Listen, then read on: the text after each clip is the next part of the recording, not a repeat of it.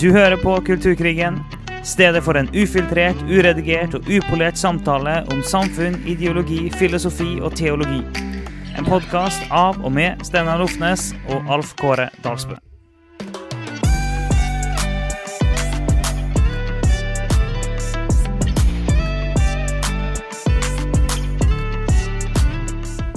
Så vi kan jo starte med seks, seks, seks, seks. Sånn. Da er det, da, Når noen hører det i begynnelsen, da har vi sikra at ingen detter av med en gang. Nå har folk lyst til å fortsette å høre på. Hvis vi i tillegg har noe om eh, sex i tittelen, så er det bankers. Nå blir denne episoden Vi har, vi har mest lyttinger til. Ja, men sånn er det jo. Sex selger og er populært, så i dag skal vi snakke om sex, og eh, nærmere bestemt den seksuelle revolusjonen. Ja, og seksuelle revolusjonen i kontrast til skapelsen er det vi skal snakke om ja. i dag. Du, dette blir spennende. En eller flere episoder. Det kan jo være det blir langt, og vi kutter det opp. Det, vi eh, prøver jo å unngå å kutte opp, men av og til kan det være vi gjør det. Yes. Så da eh, kan vi jo sette den samme settingen som vi har gjort helt fra starten av denne podkasten. At vi er sånn ca. 50-60 år inn i det vi vil kalle en kulturell revolusjon. Det vil si at det er en så dramatisk forandring av verdier og måten vi tenker på virkelighetsforståelse i den vestlige verden, at det ikke er en overdrivelse å kalle det en revolusjon. Um, og det skjedde altså noe på slutten av 60-tallet som vi stadig vender tilbake igjen til, som vi fortsatt lever i. Og uh, den seksuelle revolusjonen er jo en veldig stor, kanskje den største ingrediensen i hele denne her uh, kulturelle revolusjonen. Ja.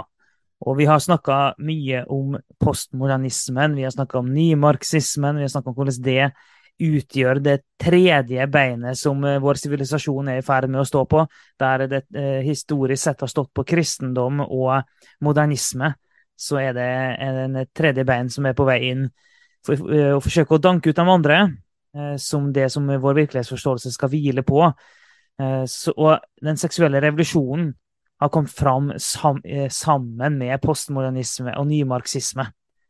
Og Vi skal snakke litt om hva kjapt den historiske konteksten for den seksuelle revolusjonen, og hvordan det får sitt uttrykk i dag, hvordan det påvirker måten å tenke på i dag. Så har vi noe å si om hva Bibelen har å si om det.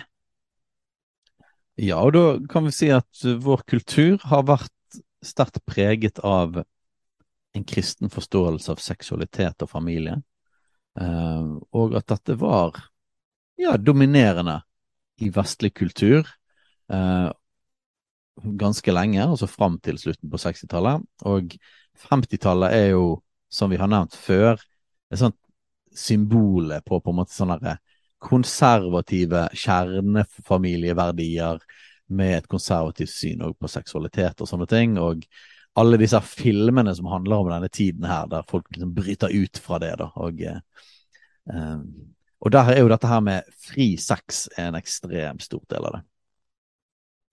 Ja, det er det. Eh, fri, fri sex ble symbolet Både på symbolet på bruddet med den eh, konservative forståelsen av familie og livet generelt, eh, men det ble symbolet på å bli fri det var på en måte den ultimate friheten, det å kunne ha sex sånn som du ville, med hvem du ville, så ofte du ville, og at det var frikobla alle de tradisjonelle rammene. Ja, man kalte jo dette seksuell frigjøring. Jepp, en gjorde og, det. Eh, sant, hvis vi husker tilbake igjen, hvis vi prøver å liksom, tenke tilbake igjen til denne tiden, så er jo dette her da midt i altså framveksten av det vi kaller hippiebevegelse, eller hippietiden. og og Woodstock-festivalen og uh, Så det det på en måte var kjent for, um, i tillegg til sånn politisk radikalisme og um, hele sånn revolusjonen av bruk av narkotika, stoffer og sånn, er jo dette her med fri sex, eller at man kunne ha sex med hverandre uavhengig av å være gift med hverandre. Og dette var revolusjonerende på, på slutten av 60-tallet, og The Summer of Love er jo mm. eh, en av de sånn, begrepene på dette. Um, og eh, 68, 69, 1968, 1969, rundt i tidene der, så var det spesielt i San Francisco um, og i California, og så spredte det seg rundt omkring i hele verden. Men det var det en bevegelse av å bryte ut av disse gamle, gamle konservative rammene i forhold til familie og seksualitet. Og um, ja, denne bevegelsen fortsetter. Man snakker fortsatt om seksuell frigjøring, og, mm. og, vi lever midt i denne revolusjonen fortsatt. For den har jo på en måte tatt for seg skanse etter skanse etter skanse, og vi har egentlig tenkt å gå gjennom eh, disse her forskjellige tingene systematisk, og både vise hva den seksuelle revolusjonen har ført til, og hva områder det har påvirket, og å se på hva Bibelen sier om det. Og når en sier seksuell frigjøring, så ligger det jo implisitt da at en mener at seksualiteten har vært fanga, låst, undertrykt, noe sånt. Så når en sier seksuell frigjøring, så mener jeg at dere slipper seksualiteten fri.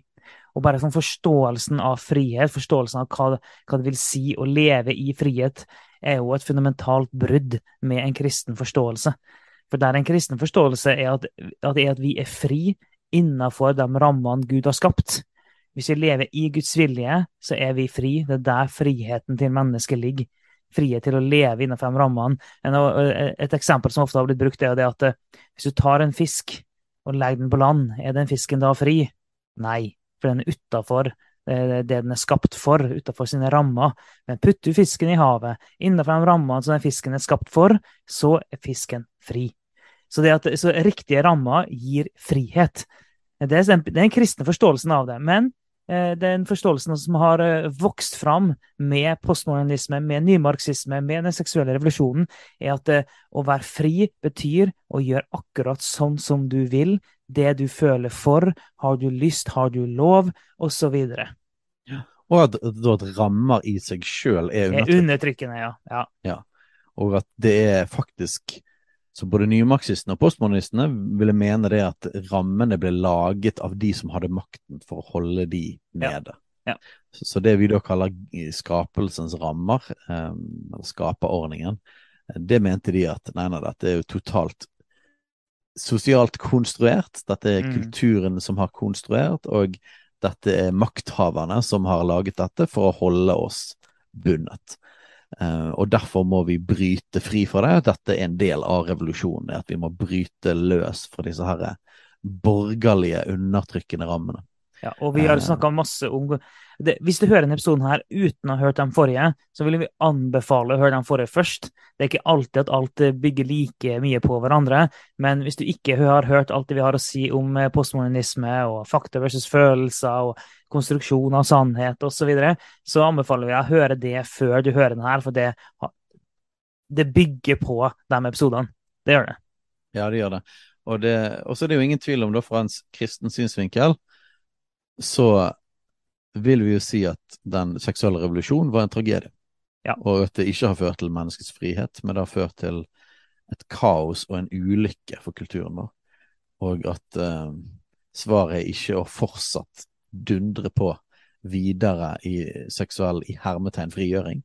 Ja. Eh, fordi at det vil faktisk undergrave vil undergrave hele samfunnet vårt. Og vi tror jo at vi mener jo at, at um, det som går på psykisk helse og sånne ting, i stor grad er knyttet ja, ja. Til, til nettopp dette kaoset som er blitt skapt. Og Det var vi eh. vel inne på i forrige episode, hvis jeg ikke tar helt feil. Men nettopp sånn mangelen på rammer, og at hvert menneske skal, skal finne ut hvem en sjøl er og skape sin egen identitet, det, det gjør mennesket sykt, for det er vi ikke skapt for. Og på samme måte som jeg sa det med at fisken er fri når den er i sitt element. Fisken eh, kan ikke bestemme om den er fisk eller noe annet. Den må holde seg innenfor det den er skapt for. Og hvis den prøver å finne ut hvem den er, og prøver å være noe annet enn det den er, da vil den få problem. Ja, uh, og i tillegg til at det var en sånn kulturell revolusjon, det var en tid av opprør. Um, det var motstand mot den konservative foreldregenerasjonen. Så var jo det òg noen teknologiske um, fremskritt, fremskritt i hermetegn, uh, som, som gjorde dette mulig på en helt annen måte. Så det var både en ideologisk ting, um, noe som skjedde i kulturen fra før av, men så, men så var det fremveksten av forskjellige typer prevensjon var òg Eh, ganske revolusjonerende på den tiden. Uh, og p-piller var kanskje en av de mest radikale, fordi det handlet om at kvinnen sjøl hadde si, mer kontroll over, over sin eh, Ja, og det å bli gravid eller ikke. Um, som var nytt. Det fantes jo prevensjonsmidler før dette òg, men, men, eh, kanskje spesielt p-pillen var, var, totalt revolusjonerende. For da var det liksom ikke i, i mannens på en måte makt lenger. Nå var det faktisk i kvinnen sjøl hadde mulighet til å ja, det, hindre det, uønsket graviditet. Ja, det senker jo terskelen veldig for å ha sex, fordi det reduserte faren for å bli gravid så enormt.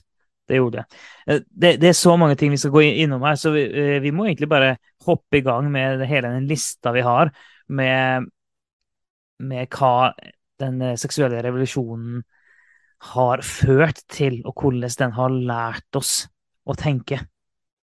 Ja, Og før vi gjør det, så, vi, så, vil vi begynne denne gangen i å legge et sånt grunnlag fra Bibelen. For det dette er liksom rammen hele tiden. På alle disse punktene så kommer vi til å komme innom dette på en eller annen måte. Så istedenfor bare å sitere det bibelverset for hvert eneste punkt, eller vente med slutten, så bare sier vi det til starten. Så det er to uh, skriftsteder, da. Det første fra første Mosebok, kapittel 1, vers 26-28. Dette er jo fra skapelsesfortellingen, helt i begynnelsen av Bibelen. Og der står det Og Gud sa, la oss gjøre mennesker i vårt bilde etter vår lignelse.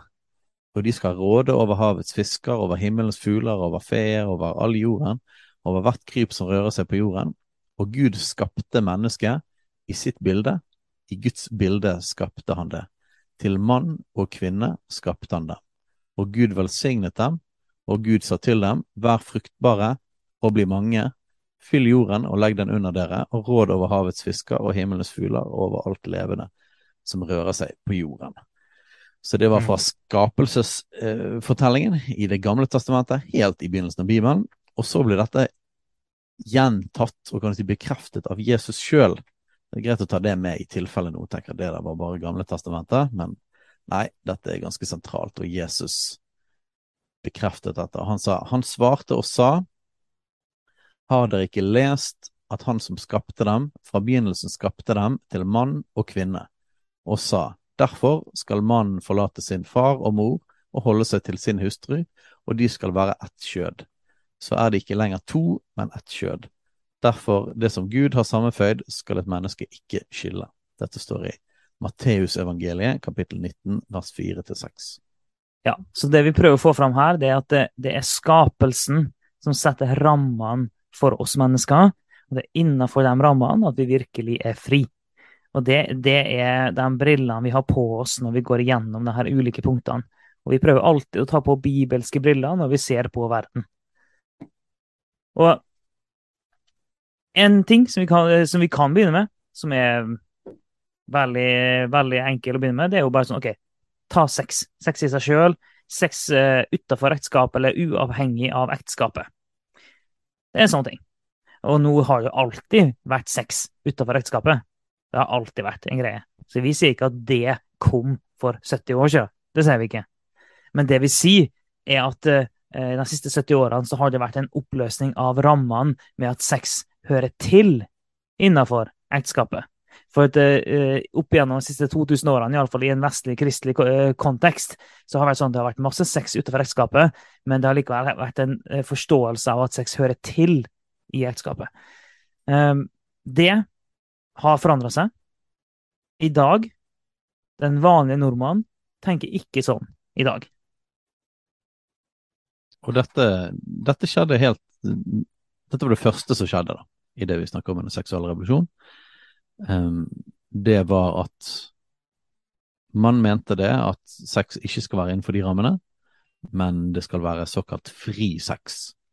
Mm. Uh, det vil si med hvem du vil og forskjellige partnere, og det må Ja, det skal vi ta for, eksempel, for så vidt ta på neste punkt, men at uh, for det første må ikke det være innenfor ekteskapet, altså man må ikke være gift, men det må ikke nødvendigvis være bare med én person heller. Ja. Så, måte, så det var den første rammen som egentlig ble ble sprengt? Ja, og jeg sa jo det at eh, den kristne forståelsen av sex er jo for det første eh, Bibelen løfter opp sex som noe bra, som noe godt, som noe fantastisk. Det er gudgitt. Det er skapt av Gud. Det er meninga at vi skal ha sex. Er, sex er bra. Det er fra Gud. Den er helt sånn krystallklar. Eh, fra en kristen forståelse så er sex bra. Men som med alle ting så må det være innenfor de rammene det er skapt for. Og eh, jeg, jeg syns det er et godt bilde det med at, uh, at sex er som en flamme, bare at den må være i peisen. Uh, og det er ekteskapet som er på en måte peisen og rammene for det.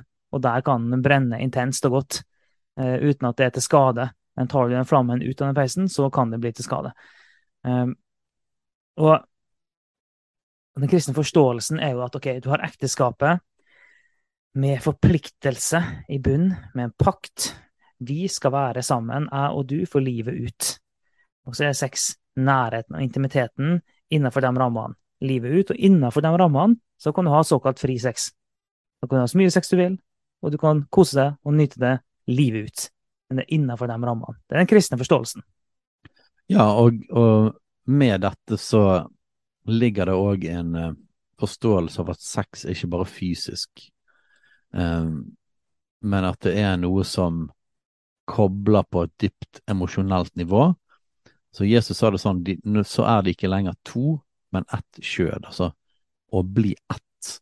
Um, og det står et annet vers et annet sted i Nytestamentet om at hvis man har sex med noen da utenfor ekteskap, eller driver hor, som ofte er begrepet på det, så blir man ett kjød med den personen. Mm. Sånn at, så det er en bibelsk tanke at å ha sex når en mann og en kvinne har sex sammen, så blir de forenet. Og dette er også koblet på hvordan vi ble skapt. Så skapelsesfortellingen videre er at uh, Gud skapte mennesket først, og så uh, Så står det på en måte Det kalles at han var Adam, så det var på en måte en mann først, men det var på en måte, ble først kalt menneske, bare menneske generelt. Og så tok Gud ut et ribbein, og så lagde han kvinnen ut av Adam. Så det betyr at det var noe som ble tatt ut av mannen, og så ble en kvinne lagd. Og så står det om at um, før dette står det om at det var ikke godt for mannen å være alene. Gud sa at det var ikke godt for han å være alene. Så det betyr at det ligger i hele skapelsen av mann og kvinne at det er to personer som har en tiltrekning til hverandre. Altså det det er naturlig på en måte Vi er ment til å høre sammen. Vi er ment til å bli koblet sammen. Um, og det gjelder mer enn det seksuelle, men det seksuelle er på en måte det fysiske uttrykket for det. Uh, at mann og kvinne blir ett. Og, men det er altså ikke bare en fysisk ting, det er at Gud har skapt oss si, kompatible til hverandre, både psykologisk og forskjellig biologisk, som gjør at det, at det på en måte ligger det Bibelen kan, det vi det kristne kaller et profetisk bilde, altså det er på en måte et symbol eh, på noe. Eh, så vi erkjenner det at, at sex er mer enn en fysisk handling av nytelse. Mm. Mm. Det er altså noe utrolig dypt og sterkt og kraftig. Det er faktisk en enhet, en bonding, um, som har uh, som har masse å si for sjelen vår og tilknytningen. Og dette vil jo psykologien òg bekrefte, uh, at det skjer noe med oss. Det finnes jo massevis av filmer der, der man snakker om sånne de skulle bare være, være venner. no strings attached. No strings attached. Og alle de filmene, eventuelt Seinfeld-episoder som handlet om det samme, om Seinfeld og Elaine som bare skulle være venner, og så skulle de fant ut at nei, vi skal bare ha sex sammen, det skulle være ingen forpliktelser, ingen relasjonelle ting. Og alle disse tingene, helt sekulære filmer og serier og sånt, øh, konkluderer med at det er umulig. De får ikke det til. Mm. Fordi at med en gang man har sex sammen, så blir det en emosjonell, psykologisk tilkobling. Så noe av grunnen til at sex skal være innenfor ekteskapet, handler om at det er meningen at dette, denne enheten skal bli skapt, og den skal være et lim i den relasjonen livet ut, og det skal være et lim i det som er et ekteskap og som er en familie, eh, og man skal emosjonelt og psykologisk og fysisk kobles sammen og holdes sammen. Eh, så dette er altså det er et brudd på hele Bibelens forståelse av sex, og at man kan ha sex med forskjellige folk som man ikke har en pakt med, eh, mm. med resten i forhold til alle de andre tingene i livet. Mm. Og eh, jeg tenkte på det du sa med 'no strings attached'. Altså, du har jo forskning som, som viser det at hvis den klemmer lenge nok, altså i mange nok sekunder, at den er fysisk nær i mange nok sekunder, det er ikke snakk om mange, jeg lurer på om det er sånn sju sekunder eller noe sånt, um, så utløser det uh, hormoner i kroppen. Så det er kjemiske reaksjoner som begynner å skje hvis den er fysisk nær hverandre i mange nok sekunder. Det er det samme hvis en kysser. Altså John Gottman, som er kanskje verdens mest anerkjente ekspert på ekteskap, skriver om det i bøkene sine. At uh, han, han, anbefaler alle par å, gi, å kysse et sju sekunders uh, kyss hver dag. For det, også, det, det, forløser kjemiske prosesser i kroppen som bonder en sammen. Og det er bare sånn å, å klemme og kysse i noen sekunder, det er jo rimelig, et rimelig mye lavere nivå enn å ha sex. Så, så, bare der så er det en voldsom bonding, bare med å være nær. Og bare tenk da, eh, Hvor mange ganger har vi ikke hørt om skuespillere som, eh, som blir, blir, sammen etter at de har, har, spilt par i en video eller en serie? Eh, jeg la senest om det her for noen dager siden. La seg om eh, noen som hadde eh, hadde stått eh, De skulle filme, de skulle spille at han sto i en heis som hadde stoppa. Så derfor så på ordentlig så sto de og holdt rundt hverandre veldig lenge. Og det skapte følelser som gjorde at de ble sammen. For de holdt rundt hverandre over lengre tid. Det er bare sånn biologien vår er. Det er sånn den fungerer. Og siden vi er liksom i flowen her med eksempler for populærkulturen, så har det jo vært en ganske en ganske kontroversiell rettssak med Johnny Depp og Amber Heard. Mm. Eh, og de ble jo sammen.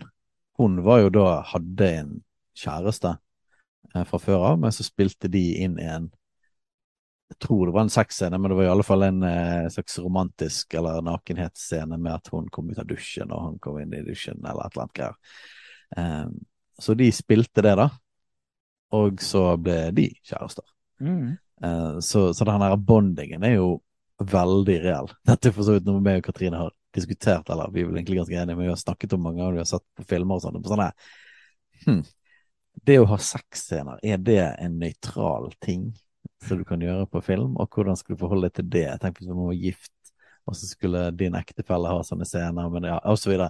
Det er et eget rabbit hole som vi ikke skal gå ned i, men, mm. men bare for å understreke eh, dette her, at dette er veldig reelt, denne tilknytningen. Og vi tror at det er bra. Gud har skapt det sånn, yes. og han har skapt det sånn for at skal, det skal knyttes sammen én mann og én kvinne, og de skal være knyttet sammen for livet. Det er hensikten. Ja, så når vi snakker om at vi tror at det er noe sjelelig og åndelig som skjer òg, det tror vi. Men eh, når, en ha, når en har sex, men det vi, det vi kan si, er at vi vet helt sikkert at det, det skjer kjemiske prosesser i kroppene våre bare av å klemme og kysse i noen sekunder. Det vet vi, det er biologisk i oss. Eh, så det, det, skjer en kobling, det skjer en bonding ved å være nær. Så hvis en da driver på sånn, med mange, har mange one night stands, ja, da, da, da har en masse koblinger med mennesker. og Det tror vi ikke er godt. Vi tror ikke at vi er skapt til å få den typen kobling med masse mennesker. Det tror vi er utafor rammen av hva vi er skapt til. Og hele tida, et sånn grunnleggende prinsipp for oss, er at i det øyeblikket vi går ut av de, rammene, de gode rammene som vår gode far har skapt for oss, så blir det vanskelig for oss. Ja, og det er egentlig de to, siste, de to første punktene de, de henger så tett sammen. Så dette første punktet er sex utenfor eller uavhengig av ekteskapet. Og det andre er dette med mange seksualpartnere. Så disse tingene henger jo tett sammen, og vi har snakket om begge deler. Men, eh, men den bibelske rammen er altså en mann, en kvinne, koblet sammen, bli ett for livet. Og det er rammen for familie og for, for sex. Og um, dette var det første som ble angrepet i den seksuelle revolusjon, der man egentlig mente da at eh, nei, det er ikke så seriøst, det er ikke så dypt, og det ikke, må ikke være innenfor den rammen. Dette er bare mer en fysisk ting, eller, eller bare nytelse. Eh, så det er frikoblet for få barn, og det er frikoblet fra pakt eller forpliktende kobling. Eh, nå handler det om nytelse, og det er noe som handler om meg. Det er noe jeg har kontroll over. Ja, og det akkurat, akkurat, og det, er akkurat det du sier, da. Det handler om meg. En kristen forståelse av sex tar aldri utgangspunkt i kun seg sjøl. En kristen forståelse av sex er aldri meg, det er alltid oss. Det er alltid ja. meg og min ektefelle. Det er alltid noe vi gjør sammen. Sex er ikke noe sologreier. Det er alltid sammen. Og det er innenfor rammen ekteskapet alltid sammen. Og det er aldri bare ut ifra min nytelse, det jeg vil. Det er alltid sammen. Så vi kan jo nevne inni her at sammen med dette, eh, så ble jo det på en måte en, et angrep på familien som institusjon i seg sjøl. Så det betyr at dette her med å bo sammen med folk du ikke var gift med, og du var enten da kjæreste med eller seksualpartner med, mm. um, eller å bo med flere, det var jo spesielt populært i hippietiden med kollektiv med alle mulige, sant? og man kunne ha sex mm. med alle mulige.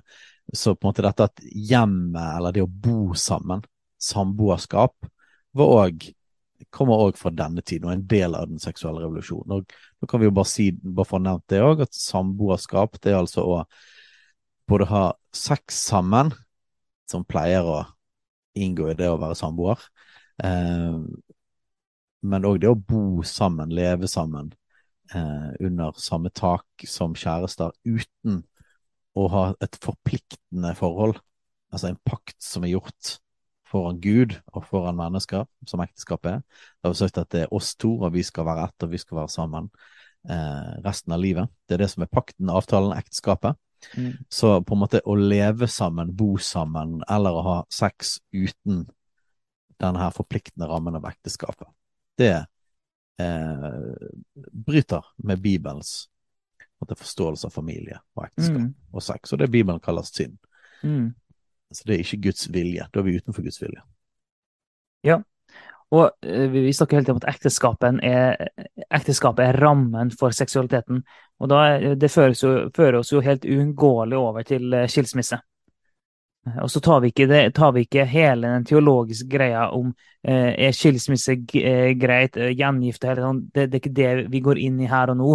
Det vi vil gå inn i, det er det at den seksuelle revolusjonen senka terskelen dramatisk for skilsmisse. Fordi at det løste opp ekteskapet, det løste opp familien.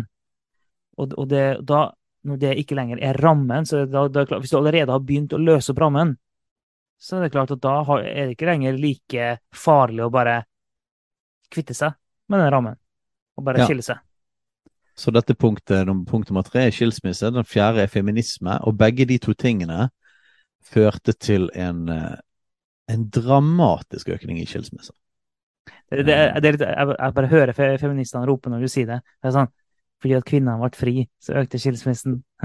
ja, nei, men det, så det kan man jo bare rope av, da. Men det er jo en statistisk faktum.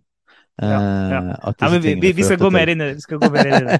ja, og vi skal jo òg en e-, egen episode etter hvert på feminisme. Ja. Eh, men, men, uansett om man er for den eller mot eller eh, deler av den eller whatever, det skal vi gå inn i for seg sjøl, så er det på en måte bare historisk faktum at seksuelle revolusjon og, òg feminismen, de to tingene, skapte en, en boom i skilsmisse.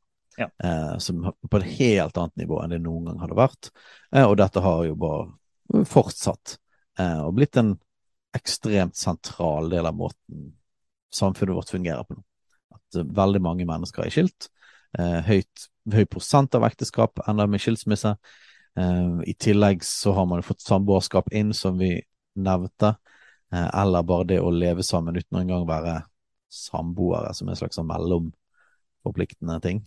Eh, men samlivsbrudd til og med på når ikke man er gift, er jo òg enda høyere. Ja, så på en måte dette med samlivsbrudd og skilsmisse og på en måte det, det har tatt helt av etter den seksuelle revolusjonen.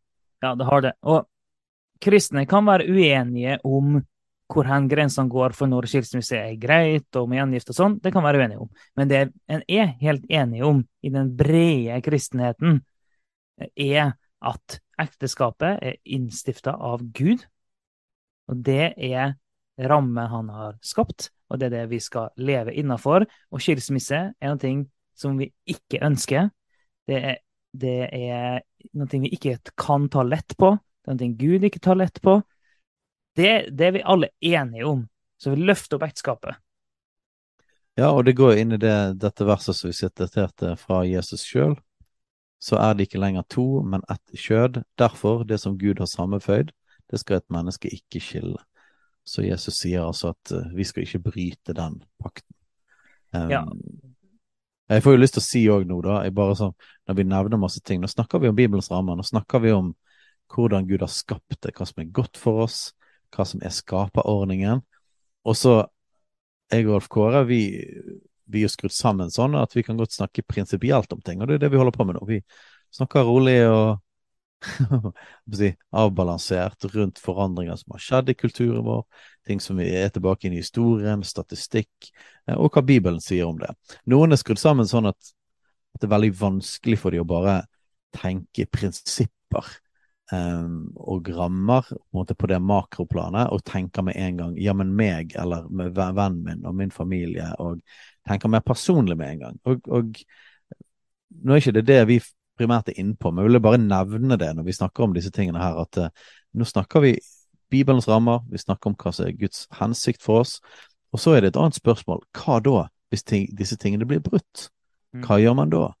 Uh, og, og, da må vi bare si veldig kjapt Nei, da er jo evangeliet de gode nyhetene. At om vi erkjenner vår synd, at vi har brutt disse rammene som Gud har satt, og, og anerkjenner, at, anerkjenner disse rammene, men men, men innrømmer til Gud at ja, jeg har brutt dette. Så kommer man til Gud, og så ber man om tilgivelse. Og så tilgir han oss, og så gjenoppretter han oss, sånn at vi får blanke ark igjen, og sånn at vi kan gå videre. Og fortsatt ønske da å holde Guds rammer for livet. Og om det brytes, om vi faller, så bekjenner vi det, og så reiser han oss opp, og så fortsetter vi å leve innenfor hans rammer. Så løsningen på dette med at vi at livet er sånn at, at uh, Bibelen sier at alle har syndet og står uten ære for Gud. Så løsningen på det er at vi innrømmer, erkjenner vår synd, og så får vi tilgivelse. Vi, vi, vi ydmyker oss for Gud. Løsningen er ikke å forandre rammene, Ja. eh, sånn at vi føler oss bedre fordi at vi har brutt noe. Eh, så dette her på en måte er den kristne tanken Ja, vi må ha en kristen tankegang på dette òg. Hvordan forholder vi oss til, til at vi synder, hva evangeliet betyr, og å holde oppe rammene for Guds ord. Ja, nei, men det, er bra, det er bra du sier det, og at vi, eh, vi har det prinsipielle fokuset her. Og det er mennesker som har eh, hatt dårlige seksuelle opplevelser, det er mennesker som har opplevd skilsmisse. Til alle menn der ute, sett av helga 3. til 5. mai 2024, for da skal Kulturkrigen arrangere mannshelg på Hemsedal høyfjellssenter. Da skal vi gå inn i eh, mannstematikk koblet til kulturkrigen. Altså, hvordan er det å være mann i denne krigen vi står i i samfunnet, og hva er faktisk vårt ansvar og vår rolle? Så hvis du syns det er interessant, og hvis du liker å høre på denne podkasten så går du til fjells.no og melde deg på mannshelg med Kulturkrigen 3. til 5. mai. Gjør det nå. Det er det mennesker som har tatt abort, osv., som kan høre på det her. Og vi snakker ikke om menneskene eller de, alle de unike situasjonene som finnes, men vi snakker om de rammene som Gud har skapt, hva som er godt for oss som mennesker, på et prinsipielt nivå. Det er der vi snakker. Det er det.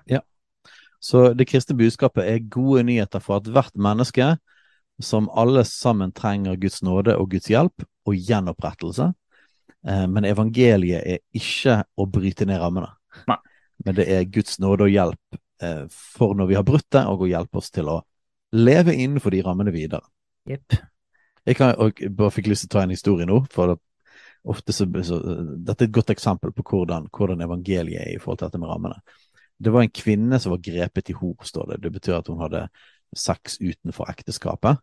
Eh, så hadde de tatt henne på fersk gjerning. Hva de hadde gjort med mannen, det vet ikke jeg. Det var iallfall ikke særlig kristent, fordi at vi tror at både mann og kvinne har eh, ansvar. Eh, Johannes 8, bare så det er sagt. Yes. Og så tok de henne, og så sier, sa Moseloven det at man skulle steines hvis man hadde brutt ekteskapet, altså hatt sex utenfor ekteskapet. Og så sier Jesus, den som av dere som ikke har synd, la han kaste den første stein. Og da, det Jesus appellerer til, er det at eh, hvordan dere forholder dere til de som har syndet. Si, ikke vær for arrogante her, fordi at eh, husk det, at vi har alle syndet. Eh, og trenger Guds nåde. Og når de skjønte det og erkjente det, så slapp de steinene sine. Så dette er jo Jesus som viser nåde til denne her personen, som har brutt ekteskapet, brutt rammene for sex. Eh, og så sier han er det ingen som har fordømt deg, heller ikke jeg fordømmer deg. Så hva er det han gjør her? Han viser nåde. Og neste punktet, neste ting han sier, det er at gå bort og synd ikke mer. Så Jesus endret ikke rammen. Han sa ikke det er helt greit. Fordi at Gud elsker deg, så kan du fortsatt bryte ekteskapet. Du kan fortsette sex utenfor ekteskapet. Det var ikke det Jesus sa. Men han ga nåde til en dame som var knust, og hadde erkjennelse. Så det fins nåde, det fikk gjenopprettelse. Han ga henne en ny sjanse til å fortsatt leve innenfor Guds rammer. Eh, så nåde betyr ikke å bryte rammene. Nåde er at vi erkjenner rammene, og så får vi tilgivelse for det, og så får vi en ny sjanse. Eh. Så, får vi, så får vi kraft til å leve innenfor den gode rammen som han har skapt. Yes, så Nå hoppet vi rett inn i evangeliet raskt, men jeg tenkte det var egentlig litt viktig. Ja, det er fint, det. ligge unna. Det er fint, det. Men eh, vi, vi hadde kommet til, til, til skilsmissa, hvordan eh, den seksuelle revolusjonen og den såkalte seksuelle frigjøringa har eh, dramatisk senka terskelen for skilsmisse fordi at det er en oppløsning av ekteskapet og de rammene. For en måtte oppløse de rammene for at en kunne ha fri sex. Og, og, da, og, og det, da forsvinner forståelsen av Eh, ekteskapet som en pakt, som en livsvarig pakt, som eh, en dyp forpliktelse til hverandre. Eh, som en, form, som en relasjon som er drevet av sjøloppofrende kjærlighet. Altså ikke en egoistisk kjærlighet, ikke hva jeg vil, men en sjøloppofrende kjærlighet. På samme måte som at Jesus ga sitt liv på korset, så er vi kalt til å gi vårt liv for hverandre. Og det, det er sånn som vi kan lese om i, i 1. Johannes så leser vi om at eh, på, det, på, det, på, dette har vi lært kjærligheten å kjenne at han satte livet til for oss. Også vi skylder å sette livet til for brødrene. Så Det er jo bare relasjonsmessig. Men så er det jo eh, i Efeserbrevet også, så står det jo dere menn, elsk deres hustruer, like som Kristus også elsket menigheten og ga seg selv for den. Det er ekteskapet, det er rammen, det er forpliktelsen, den sjøloppofrende kjærligheten. Ja, det, oh, det der er så viktig. Og uh, vi skal nok snakke òg enda dypere om bare Bibels definisjon av kjærlighet. Så nå ja, toucher vi inn på det. Uh, men så her ligger det utrolig mye. Altså, hvordan forstår vi kjærlighet? Um, og, en, og, en, annen ting i dette med skilsmisse og ekteskapet er jo barna. Um, så som kristne så tror vi at, at ekteskapet er en ramme, en trygg ramme for barna. Vi har jo en god venn og medarbeider som heter Sverre Skilbreid, som snakker om borgen. At far og mor er som en borg som er en beskyttelse for barna å leve inn i. Det er altså trygge, sterke rammer for dem som de skal få leve innenfor, eh, og som skaper trygghet, og er noe av det viktigste for et barn og et barns oppvekst og trygghet i sitt eget liv. Eh, så det er Bibelens ramme. At ekteskapet er ikke da bare for mann og kvinne, men det er i høyeste grad for barna. Eh, og det er nesten som man nesten kan argumentere for at eh, Jordan Peterson blant annet sier det at ekteskapet er for barna, at det er i all hovedsak for barna. Uh, og, og, vi kan være med på det, at det er, det er en ekstremt viktig del av grunnen til ekteskap. Ja, og du kan jo si da at i de aller, aller fleste tilfellene så er det sånn at frukten av et ekteskap er familie det er barn. Det er frukten av et ekteskap. Og Jordan Peterson han sa det sånn halvseriøst, men egentlig mer seriøst enn ikke seriøst, at eh, det burde vært ulovlig å skille seg hvis han hadde barn. Og, mm. og, han fikk litt pes for det, men jeg må, jeg må forstå poenget hans. Eh, og det er at hvis en først har barn sammen, så er det så skadelig for barna om foreldrene går fra hverandre, om familien bryter sammen, at det, det nærmest burde vært ulovlig å gi opp.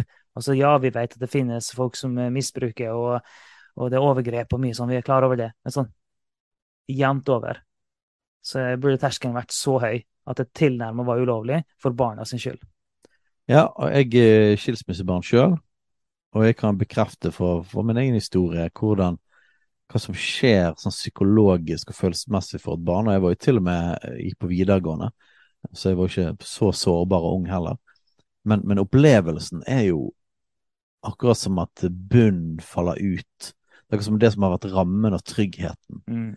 eh, og fundamentet i livet ditt, ditt helt fra du ble unnfanget. Ja. Plutselig forsvinner det vekk, og man, det, det er en opplevelse som å stå alene igjen. Mm. Og at mor og far Ikke at de forsvinner som autoriteter, men følelsesmessig så skjer det noe der. Det skjer en skade på deres autoritet og innflytelse inn i livet mitt. Det, det, det er en slags dyp mistillitsgreie som, som skjer. Og hvis det er noen som hører på her på som sjøl er skilt og kjenner at det trykker på dårlig samvittighet, så er det gode nyheter. Gud kan gripe inn i det, og Gud har grepet inn i mitt liv. Eh, men vi kan ikke late som at dette ikke er en, eh, en helt reell effekt av skilsmisse. Eh, så far og mor er, er rammen. Og det som videre skjedde ut fra skilsmisse og, og sex utenfor ekteskapet, er det som går på å være aleneforelder, og spesielt har det ført til mange alenemødre. Eh, og at mange, mange barn har vokst opp uten far, eller tilnærmet uten far. Eh, I skilsmisse så er det ofte sånn at veldig ofte sånn at barna bor hos mor eh, og besøker far og er litt med han, så der har du en sånn delvis farløshet. Men eh, men òg noe som eksploderte gjennom den seksuelle revolusjonen, var at det ble veldig mange alene mødre. Og nå er det stor, stor respekt til alle alenemødre som gjør en fantastisk jobb å ta vare på barna sine. Mm. Og vi skal gå inn i abort etter hvert her, da, og, eh, og at faktisk barnet fikk lov til å bli født. Det er fantastisk. Ja. Eh, men så er det òg ikke å stikke under en stol at det får konsekvenser å vokse opp uten far. Så farløshet er òg blitt, en- blitt en epidemi eh, i kulturen vår. Eh, og det er noe sånn, jeg skal ikke tallet nøyaktig, men det er noe sånt som i alle fall 96% i alle fall, av eh, de som er i fengsel, eh, vokste opp utenfor. Så, så farløsheten er òg en konsekvens av den seksuelle revolusjonen. Ja, og det, det kunne vært en egen episode, akkurat det med farløshet. og Vi kan nesten ikke gå lenger inn i det nå, men det er en helt sånn ekstrem sammenheng mellom farløshet og det å havne i fengsel og havne i trøbbel og sånn. Det er det. Ok, La oss prøve å hoppe over da til eh, Vi, vi sa at vi skulle si noen ord om feminisme, og det er jo en sånn ting som eh, blir en helt egen episode på sikt, men vi må touche innom det nå. Så dette ble, så det ble et angrep på tradisjonelle kjønnsroller. Eh, det ble veld, veldig mye snakket om kjønnsroller etter hvert. Eh, så feminismen som bevegelse, eller teknisk sett andre bølgefeminisme, men nok en gang dette skal vi se på videre, så det har kommet flere nye bølger med feminisme etter hvert. Eh, men gjennom den seksuelle revolusjonen og denne her kulturelle revolusjonen så, så kom så ble det en virkelig oppsving for, fem, for feminismen. Og det var hovedsakelig et angrep på dette med kjønnsroller. Man mente det at eh, kvinnen var presset inn i en eh, unaturlig kjønnsrolle, eh, og at det trengte å bli frigjort fra. Og så er det jo sånn at i, alle ting har jo liksom a grain of truth. Eh, eh, og det er klart at det var ting i forståelsen av en kvinnes rolle og en mors rolle på 50-tallet eh, som nok var for smal i forhold til hva Gud har skapt oss til. Altså, Vi sier ikke at kjønnsrollemønsteret på 50-tallet er det bibelske kjønnsrollemønsteret. Det sier vi ikke. Nei.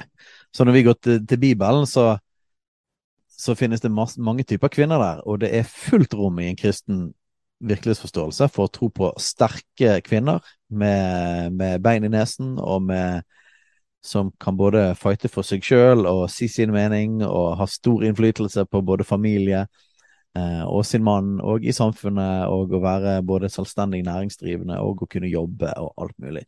Alt dette her finnes det rom for i Bibelen. Mm. Um, så her må vi tilbake til hva er sosialt konstruert uh, av, av, roller. Så her snakket man òg om sosial konstruksjon av kjønnsroller. Um, og hva er på en måte guddommelig konstruert, altså en forskjell som Gud faktisk har lagt ned i mann og kvinne fra starten. Ja, og hvis en leser gjennom Bibelen, så ser en at Bibelen snakker om mann og kvinne som to forskjellige eh, typer mennesker. Mann og kvinne er ikke det samme. Det er to forskjellige typer mennesker. En ting, er at vi vet at det er sånn rent biologisk, men Bibelen snakker om at det er to forskjellige som hører sammen. Det er det. Men det er to forskjellige, og de bringer inn forskjellige ting. Inn til verden, inn til samfunnet, inn i familien, inn i relasjonene osv. De bringer forskjellige ting. Og det ser vi igjen og igjen i måten, måten Bibelen snakker om mennesket på, og hvordan Bibelen snakker om mann og kvinne på. Mm. Og det ligger jo faktisk i til og med de hebraiske ordene for mann og kvinne. Jeg kan heller ikke gå dypt inn i dette nå, men, eh, men ish og isha er to ord som på en måte er sånn kompatible. da. Så en del av mann- og kvinnebegrepet er at vi passer sammen. Eh, og veldig ofte så er sånne hebraiske ord Altså Det gamle testamentet ble skrevet på hebraisk. Ofte er de hebraiske ordene er ofte mer seksuelle enn det vi er nesten komfortable med i vår kultur. eh, så til og med i ordet for mann og kvinne så ligger det eh, i mann er noe som spist som stikker ut, mens kvinne er noe som tar imot og omfavner. Mm. Og det tror vi ikke bare er seksuelt, men det er òg si, psykologisk, og det har med mann og kvinne-rolle. Mm. Så det betyr at vi, vi, tror at Gud har skapt noe iboende i mannen som er mer eh, offensivt og erobrende i sin natur. Eh, gjerne manifestert som at menn gjennom alle tider har vært de som har jaktet og kjempet og vært primært vært soldater. Eh, og vært satt til å forsvare familien og samfunn. Mens kvinnen naturlig biologisk er den som for det første favner et barn. Eh, altså passer på et barn inni sin mage og videre i amming og i spedbarnsfasen, så ligger det helt naturlig biologisk for en kvinne å passe på dette lille barnet. Og mor og barn er da sårbart. Så for en ytre fiende så kan ikke moren som passer på spedbarn, kan ikke være første forsvarslinje i forhold til en fiende. Eh, men der er altså mannen satt til å kunne være beskytter for kvinne og for barn. Så dette tror vi ligger både i skaperordningen, det ligger i selve de hebraiske ordene for mann og kvinne, eh, det ligger òg i biologien vår. Vi er rett og slett forskjellig biologisk. Og det får til og med konsekvenser for psykologi og personlighetsforskning viser at dette er forskjellig. For eksempel stoffet testosteron, eh, som menn har sykt mye mer av enn damer. Jeg husker ikke hvor mange mer eh, mange ja, det er mye, ganger mer det, men det, det, er heftig. Og så er det sånn at stoffet testosteron det får både fysiske konsekvenser i kroppen, Blant annet man blir sterkere, man har mer muskelmasse. Skal du dope deg, for eksempel, så er en, en måte man kan dope seg på, er å ta mer testosteron. Mm. Eh, og da får du mer muskler, mer muskelmasse, så du blir sterkere. Eh, men du blir òg mer aggressiv. Mm. Mer villig til å ta sjanser, mer risiko. Så til og med bare stoffene i kroppen, testosteron versus østrogen, eh, gjør faktisk noe psykologisk og biologisk med oss som passer sammen med det, altså disse rammene som Gud har ja, lagd. Og jeg har eh, sett, hørt flere historier om, eh, om, kvinner som har tatt testosteron, og som har fortalt om en helt sånn ekstrem effekt eh, i dem. Ja. Så det, det, påvirker oss noe helt enormt. Men i da, psykologiforskninga der har jeg hørt Jordan Peterson snakke om flere ganger. det her er vel andre gang vi refererer til han nå. Uh, og hvis du som hører på tror at han bare er en sånn kontroversiell, fæl fyr, mørkemann, så må du bare høre på han igjen. Han er ikke Jesus, han er ikke frelser, men han har mye godt å komme med. Det har han. Og han er faktisk en, en anerkjent ekspert når det kommer på forskning på, på kjønn. Han, han, han, har gjort mye vitenskapelig arbeid på det. Så det kan ingen ta, ta ifra. Men han snakker jo da om at det er mye som er likt mellom Altså, det, det, er mye som er likt mellom mann og kvinne, og det er, det er mange kvinner som kan være mer for eksempel, mer aggressive enn menn. Det kan være menn som har mer feminine trekk enn kvinner, osv. Så sånn. det, altså det, det, finnes et stort mangfold i menneskeheten sånn sett, hvis du tenker i midten. Men går du ut på ytterkantene, hvis du tar de 10% mest aggressive, for eksempel, så vil det nesten utelukkende være menn. Og hvis du går på andre sida, kommer ikke på noe godt eksempel, Hun tar, tar jo 10% på noe mer feminint uttrykk. Jo, det, når det gjelder omsorg, for eksempel, og omsorgsyrker, ja. kan du se på det? Ja, det kan du se på. Og tar du sånn 10% der, som skårer mest den veien, så er det nesten utelukkende damer. Så det er i, i uttrykkene på den måten at du ser at det skiller seg voldsomt. Og så anerkjenner vi at når det gjelder kjønnsrollemønster, at her er mennesker forskjellige. Det finnes et stort mangfold i å være forskjellig, og det er helt greit. Men vi, ikke, men vi kommer ikke unna at det finnes kjønnsrollemønster. Ja, og at kjønnsrollemønstrene ikke bare er kulturelle eller sosialt konstruert, men at de mm. faktisk kommer fra skapelse, de kommer faktisk fra biologi, ja. eh, som òg har påvirkning på psykologi og personlighetsforskjeller. Og, og, dette ser vi på yrkesvalg fortsatt, og vi ser det på uh, oppførsel. uh, for eksempel, uh, forleden dag så var det en bil som var stoppet midt på motorveien av politiet. Det ble voldsomt styr, ok? Og så var det en senket Det var ikke en BV, men det var vel en type heftig Mercedes og sånne ting. Og så var den stoppet midt på veien, så det må være en eller annen kriminell som de har prøvd å ta. Uh, og så når vi kjører forbi den, så ser vi at det sitter ingen i førersetet. Så den er altså tatt og tatt inn i politibilen, pågrepet. Og da sa jeg oi, de har tatt han inn i politibilen. Men jeg så ingen mann. Mm. Så hvorfor kunne jeg si de har tatt han? Nei, fordi at statistikken er helt overveldende på den fyren der mm. Både fordi han var kriminell, tatt av politiet, det var en sånn bil, hadde sikkert prøvd å rømme for politiet. Sannsynligheten for det, at det er en mann, totalt eh, sannsynlig. Ja, og, og det her må vi bare akseptere at det er sånn det er. Eh, det er ikke vits å kjempe mot engang. Det er, eh, kunne det vært en dame? Ja. Men i 90 et eller annet prosent av tilfellene så er det en mann. På samme måte eh, er det en eh, håper å si, Er det en rosa hest som springer eh, med en person oppå, så kan det være mann på den hesten. Det var et veldig dårlig eksempel, men likevel. Kan det være mann på den hesten? Ja, det kan være mann på den hesten. Er det greit? Ja, det er greit. Men i 99 av tilfellene så er det en jente på den hesten. Altså, ja. Sånn er det bare. Og da er ikke det bare kulturen vår. Så tilbake Nei. til den, den seksuelle revolusjonen og feminismen så mente man da i feminismen ikke bare det at 50-tallets kjønnsrollemønstre var for trange, noe vi òg er enig i. Ja. For at vår standard er hele tiden Bibelen. Ja. Vår standard er ikke 50-tallet. Eh, og, og, og, at kvinnen var kun på kjøkkenet, og det var kun sånn, og man var litt sånn der eh, overfladisk og lite intelligent, ikke interessert i politikk og ikke hadde sterke meninger, og mannen satt med pipe og avis og var den som jobbet, og hele den pakken der, det var et kjønnsrollemønster som, som gikk lengre. Eh, det var begrensende for kvinnen. Ja, og, og, Bibelen har mye mer rom for det, og vi har sjøl eh, arbeidende kvinner og uh, står for at vi skal ha uh, tøffe, tydelige damer. Det er helt supert. Men kjønnsrollemønsteret er òg en konsekvens av hvordan vi er skapt.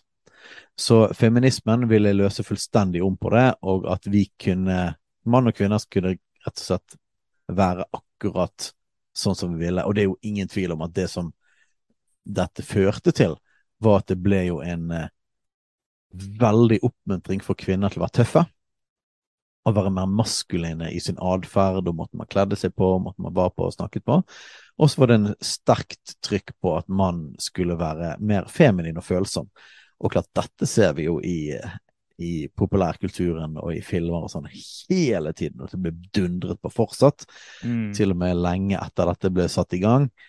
At det er alltid forsiktige um, forsiktige, mer feminine menn som ble pushet fram. Leste i går senest om at den nye James Bond eh, skal være mer i kontakt med sine følelser, og James Bond har jo allerede i disse filmene blitt mer og mer i kontakt med sine følelser og myke familieverdier og sånn. Og nå skal det sies, fra en bibelsk perspektiv så burde James Bond ta mer ansvar for familie og ikke bare ligge rundt og, og, sånn som det. Eh, så, så, det var jo de, de nærmet seg jo De gikk ut fra noe sånn mannssjåvinistisk, da, som ikke er bibelsk, og så nærmet de seg. Så var de inne i noe som Hei, dette her Dette minner jo om Bibelens rammer for hvordan mann og kvinne skal være.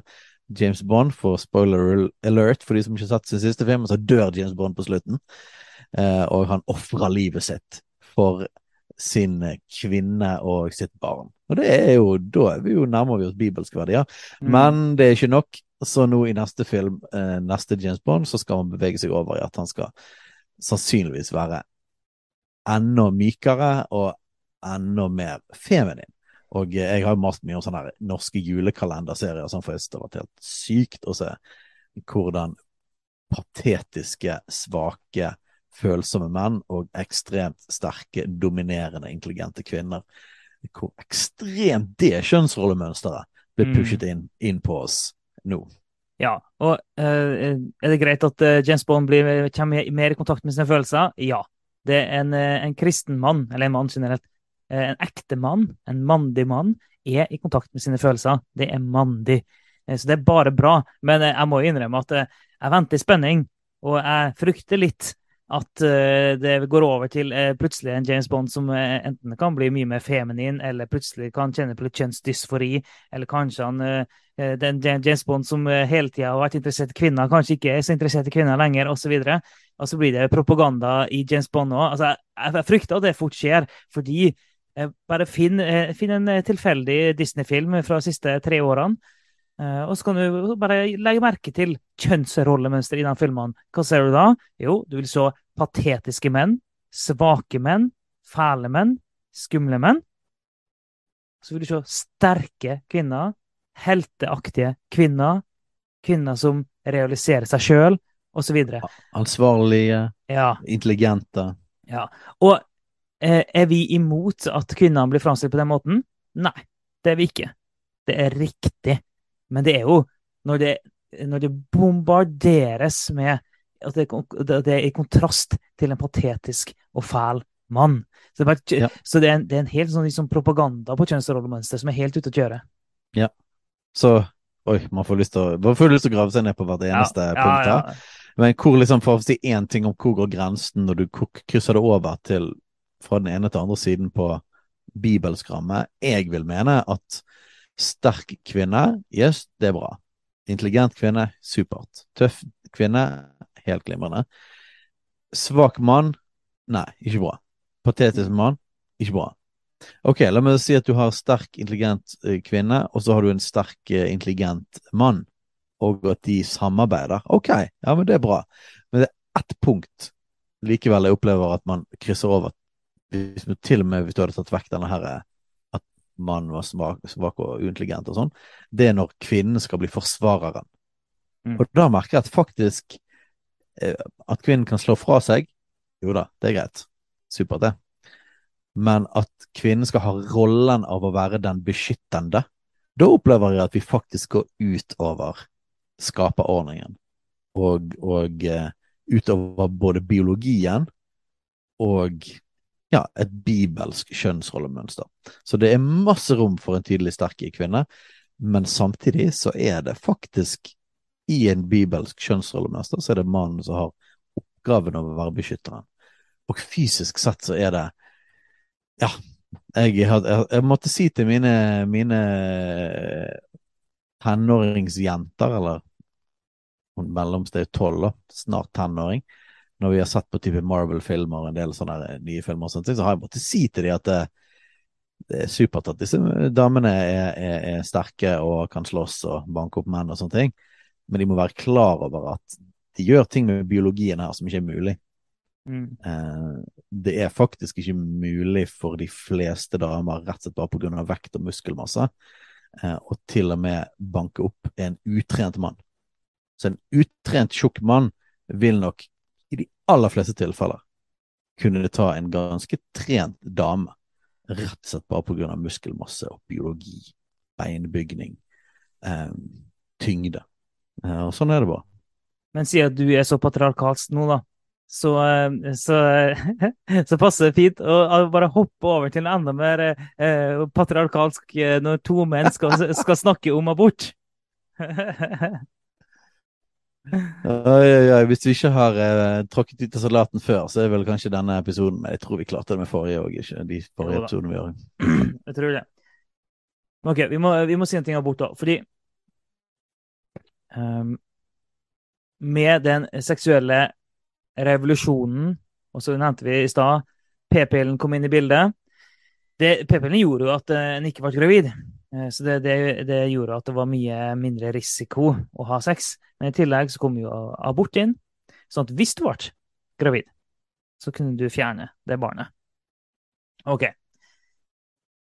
Og det er mye en kan si om abort, og det er òg en sånn ting som bare må bli en helt egen episode på sikt. Det, så det, det, er en dør vi skal bare gå litt inn i akkurat nå. Og igjen så er det forbeholdet som, som eh, du Steinar hadde litt tidligere, med at vi skjønner at folk kan ta det bort. Vi vet at det er mange fæle skjebner der ute og sånn. Det er ikke det som er fokuset her. Nå snakker vi mer prinsipielt om det. Men den seksuelle revolusjonen, som da reiv ned rammene, reiv òg ned menneskeverdet. Og berede, berede grunnen for at hvis den ble gravid, da kunne den ta vekk det barnet. Ja, det, og det, det, er så tett sammenkoblet til fri sex mm. at det er nesten rart når jeg hører abortdebatten. Fordi at grunnen til at man må i hermetegn få ha abort, er at vi må ha fri sex. det er på en måte det som er forutsetningen for at abortloven er så viktig det er at hvis, hvis, ikke du skal ha abortlov, så må man rett ta konsekvensene av, av det, og forholde seg til en kristen familiestruktur. Fordi at eh, kristne par kan òg få barn eller bli gravid uten at det var planlagt. Men ikke bare er det sånn at vårt menneskesyn gjør at ikke vi mener at det er riktig å drepe dette barnet.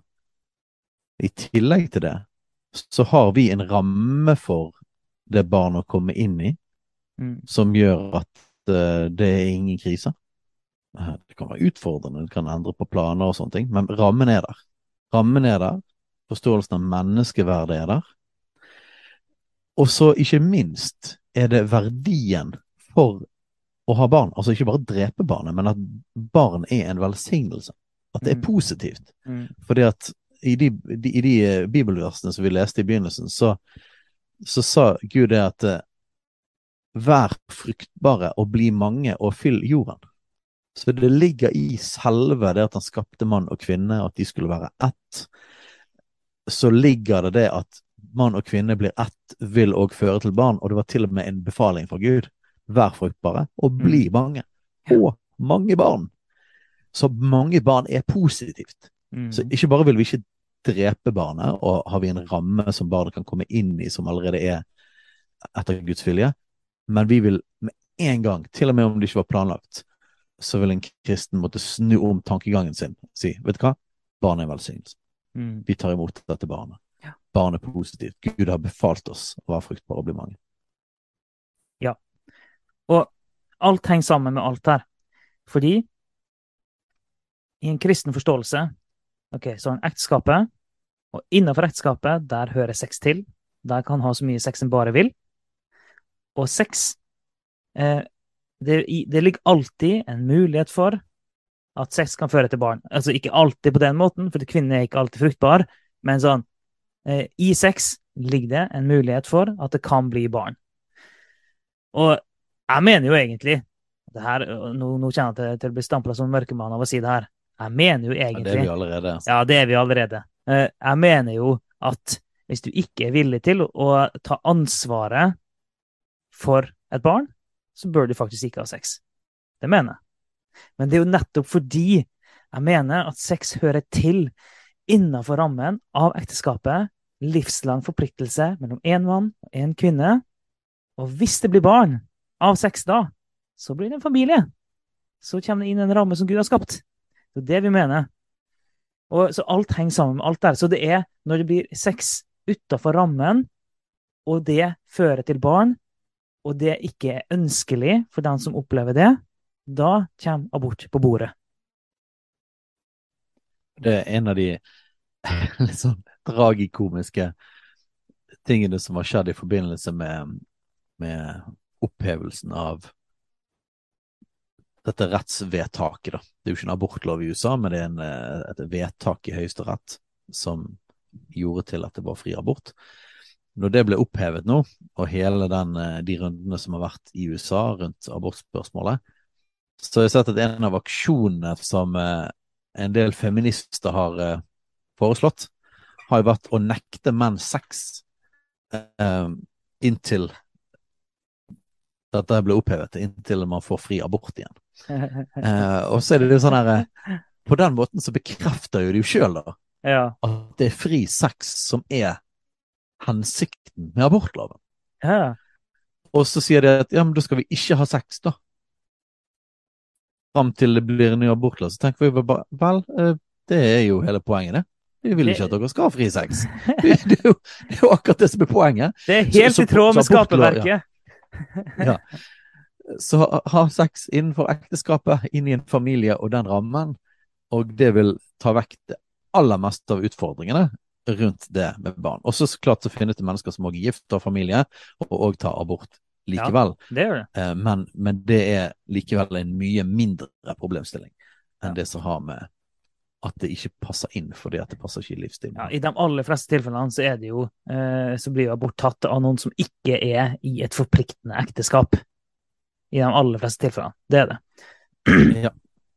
Så ekteskapet og, og kjernefamilien er den største beskyttelsen eh, for det som har med abort gjøre.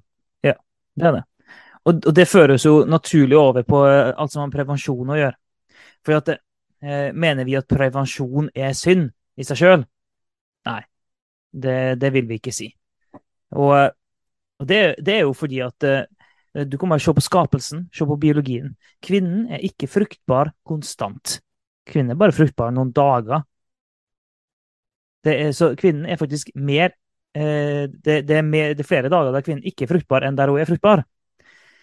Så det er jo det, det ligger jo i skapelsen at vi skal, kan ha sex uten at kvinnen blir gravid. Så Gud har skapt det sånn at vi kan ha sex uten at det automatisk fører til at hun blir gravid. Hvis det var meninga at hver eneste gang en hadde sex, så skulle det føre til barn, ja, da hadde jo Gud skapt kvinnen sånn at hun var eh, fruktbar hele tida. Men sånn har ikke Gud skapt det. Så det er, Nei, og det finnes finnes ja, ja, nei, det finnes heller ingen, ingen eh, håper kommandoer fra Gud eller retningslinjer om at man bare skal ha sex når kvinnen er fruktbar. ja, ja, det jo, det, det jo Så, så- det ligger ikke noe sånt trykk fra Gud til at sex handler bare om barn. Ja, det er veldig tett koblet til det å få barn, og i, i rammen av familie og ekteskap. Men det betyr òg, det gir et ganske sånn kraftig eh, understrekning av at sex er, det er til for mer enn barn. Så det er òg til for nærhet, og, og for dette med å være ett. Eh, og det òg handler om nytelser inni rammen av at det er en mann og en kvinne som har gitt seg til hverandre for livet. Ja, så sex handler om mer enn barn, mer enn befruktning, men sex kan ikke frikobles fra barn og befruktning. Det kan det ikke. Sex kan ikke frikobles fra det, så sex er nytelse, kobling, intimitet, og det innebærer alltid en mulighet for barn, og det er en del av pakken. Det er sånn Gud har skapt det.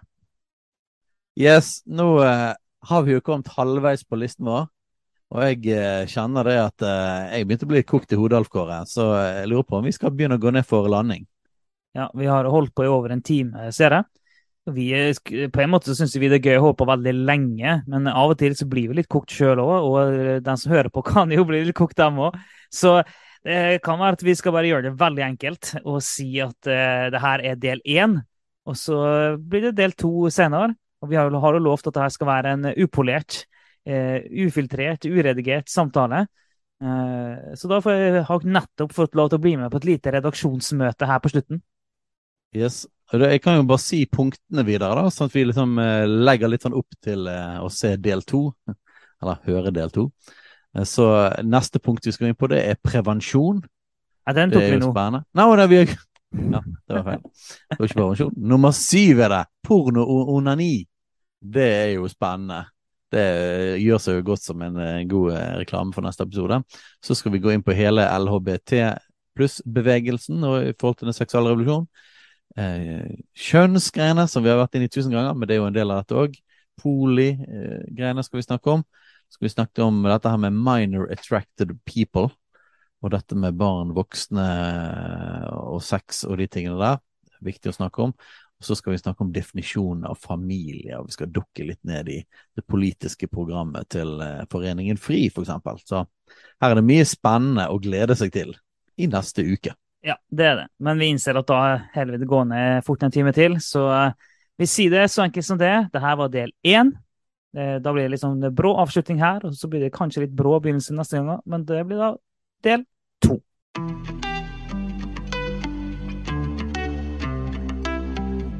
Takk for at du lytter på Kulturkrigen. Om du har tilbakemeldinger, spørsmål, hva som helst egentlig, send inn til postalfakrøllkulturkrigen.no eller på sosiale medier.